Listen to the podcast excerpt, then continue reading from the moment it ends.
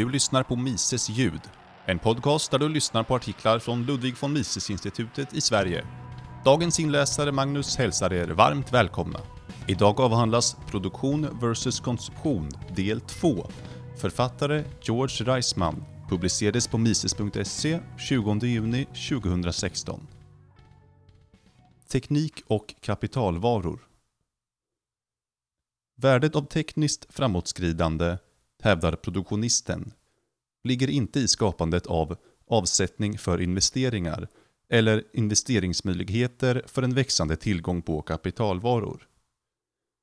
Om begreppet kapitalvaror förstås rätt, som en beteckning på alla varor som köparen använder för syftet att producera varor som ska säljas, då, hävdar produktionisten, finns det ingenting sådant som en brist på investeringsmöjligheter för kapitalvaror. Så länge som fler eller bättre konsumtionsvaror begärs finns det behov av större tillgång på kapitalvaror.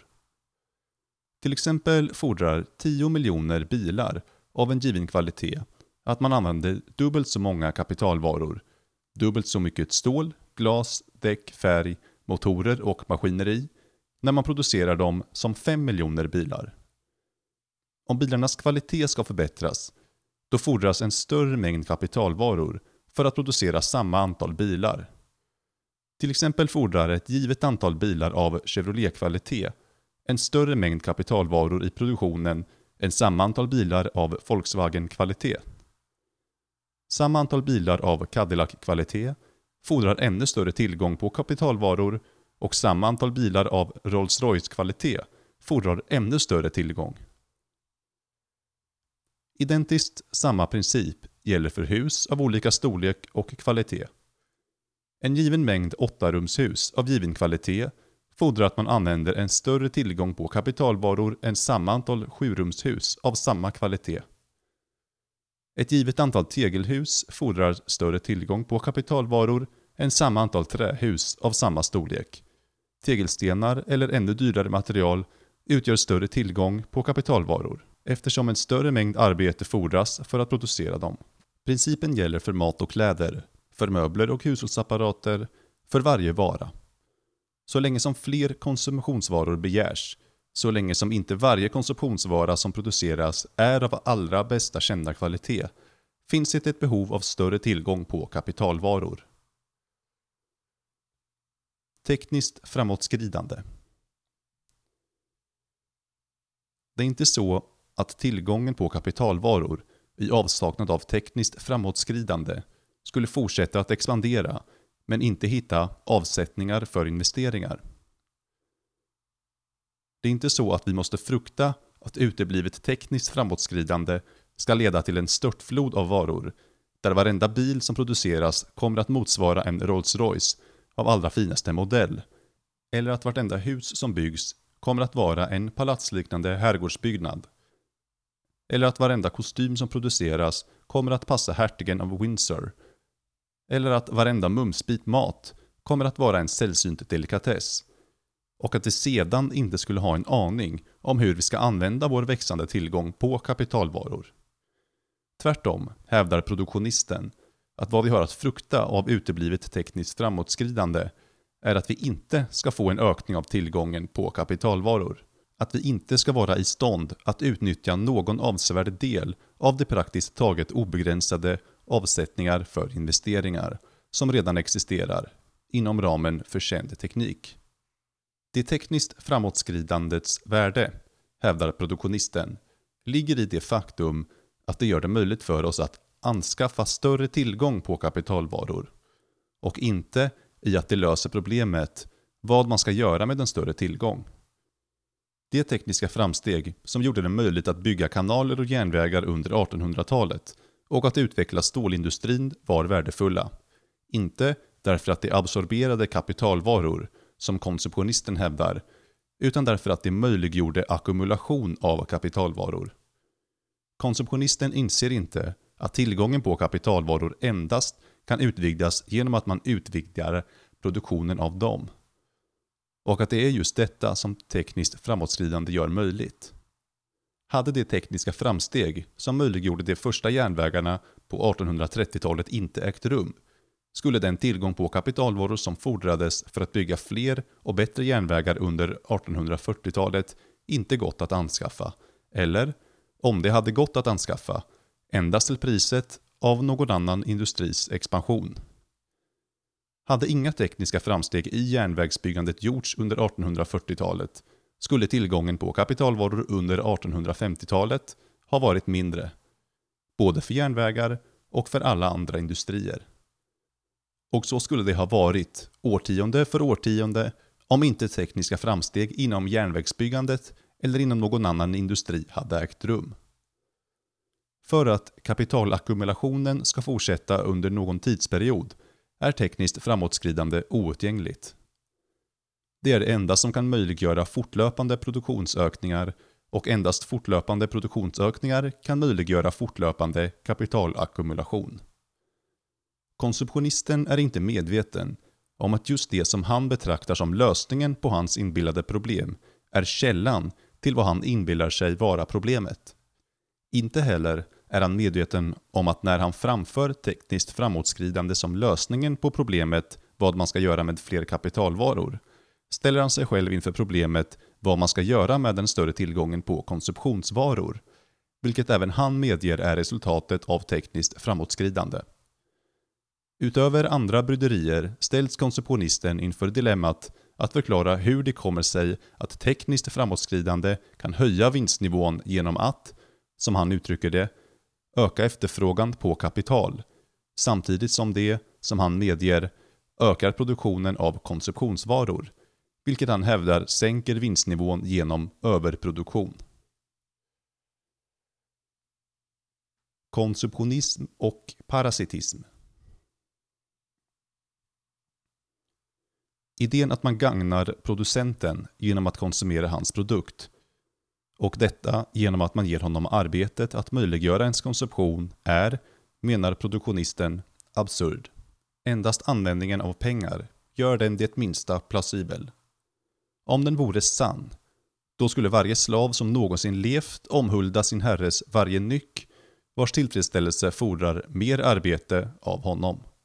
En slav skulle ha varit tacksam om hans herre önskade sig en större hus, en bättre väg, mer mat, fler fester och så vidare.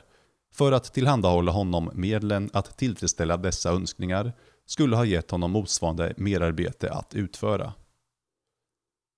Tron att statens konception gagnar och hjälper till att stödja det ekonomiska systemet står på exakt samma fot, hävdar produktionisten. Som tron att slavägarens konception gagnar och stödjer slaven. Det är en tro vars absurditet endast motsvaras av den orättvisa den möjliggör. Den är det medel med vilket parasitiska påtryckningsgrupper som utnyttjar staten som plundringsagent försöker narra sina offer att tro att det gagnas och stöds av dem som tar deras produktioner och ingenting ger dem i gengäld. Den enda ekonomiska förmån man kan ge en producent, hävdar produktionisten, består i att man byter sina egna produkter eller tjänster mot hans produkter eller tjänster. Det är genom vad man producerar och erbjuder i utbyte som man gagnar producenterna, inte genom vad man konsumerar. I den mån man konsumerar andras produkter eller tjänster utan att erbjuda produkter eller tjänster i utbyte konsumerar man på deras bekostnad. Användningen av pengar gör denna poäng något mindre uppenbar men icke desto mindre sann. När pengar används byter producenterna inte varor och tjänster direkt, utan indirekt. Köparen byter pengar mot en säljares varor. Säljaren byter sedan pengarna mot andra säljares varor och så vidare. Men varje köpare i serien måste antingen själv ha erbjudit varor och tjänster till salu som motsvarar de han köper, eller erhållit sina pengar från någon annan som har gjort det. Det faktum att var och en i en penningekonomi mäter sin behållning med den mängd pengar han erhåller i utbyte mot sina varor eller tjänster tolkas av konceptionisten som att det innebär att blotta utlägget av pengar är en dygd och att ekonomiskt välstånd står att finna genom att man skapar och spenderar nya och fler pengar.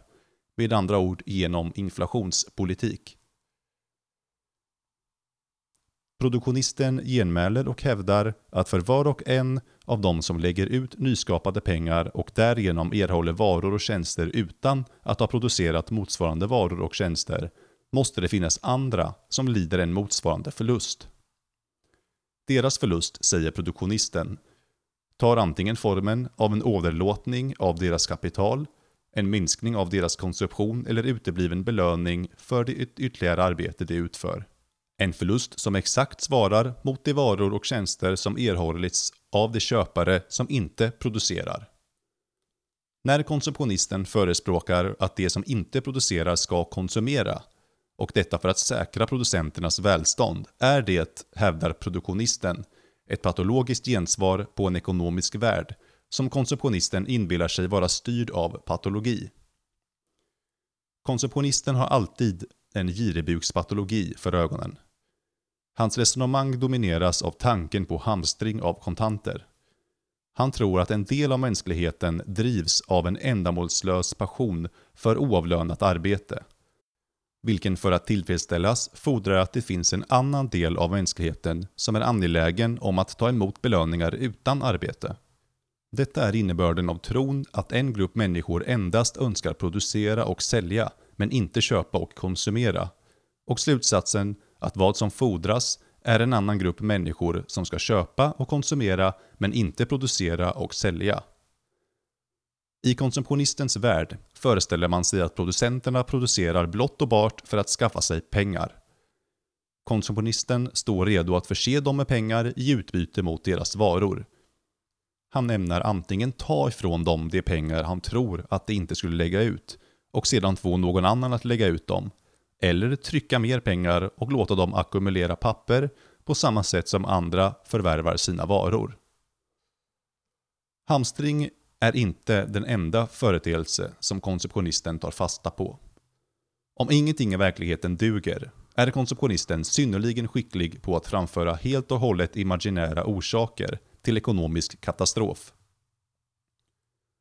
Undantagslöst är den lösning han föreslår att de som inte har producerat ska konsumera. Och detta för deras skull som har producerat. Målet är alltid att demonstrera parasitismens nödvändighet och välgörande verkningar. Att framställa parasitism som källan till allmänt välstånd. Det ekonomiska livets rationalitet.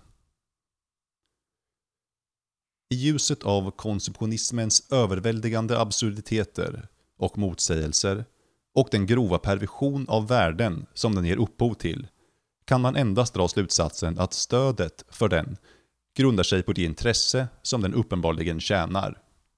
Parasitism. Detta fritar förstås inte ekonomen från skyldigheten att identifiera de särskilda misstagen i varje konsumtionistiskt argument. Det diskvalificerar emellertid varje konsumtionist som ekonom. Ingen vetenskapsman på något område kan acceptera uppfattningen att verkligheten är irrationell eller att det fordrar irrationella handlingar för att handskas med den. De av dagens ekonomer som öppet och trotsigt förkunnar att den ekonomiska världen är icke-euklidisk gör det med ett glatt sinne. Det är så här de skulle vilja att den ekonomiska världen vore. Om de bara trodde att det ekonomiska livet föreföll irrationellt och inte på samma gång önskade att det vore irrationellt, skulle de aldrig förkunna att det faktiskt är det.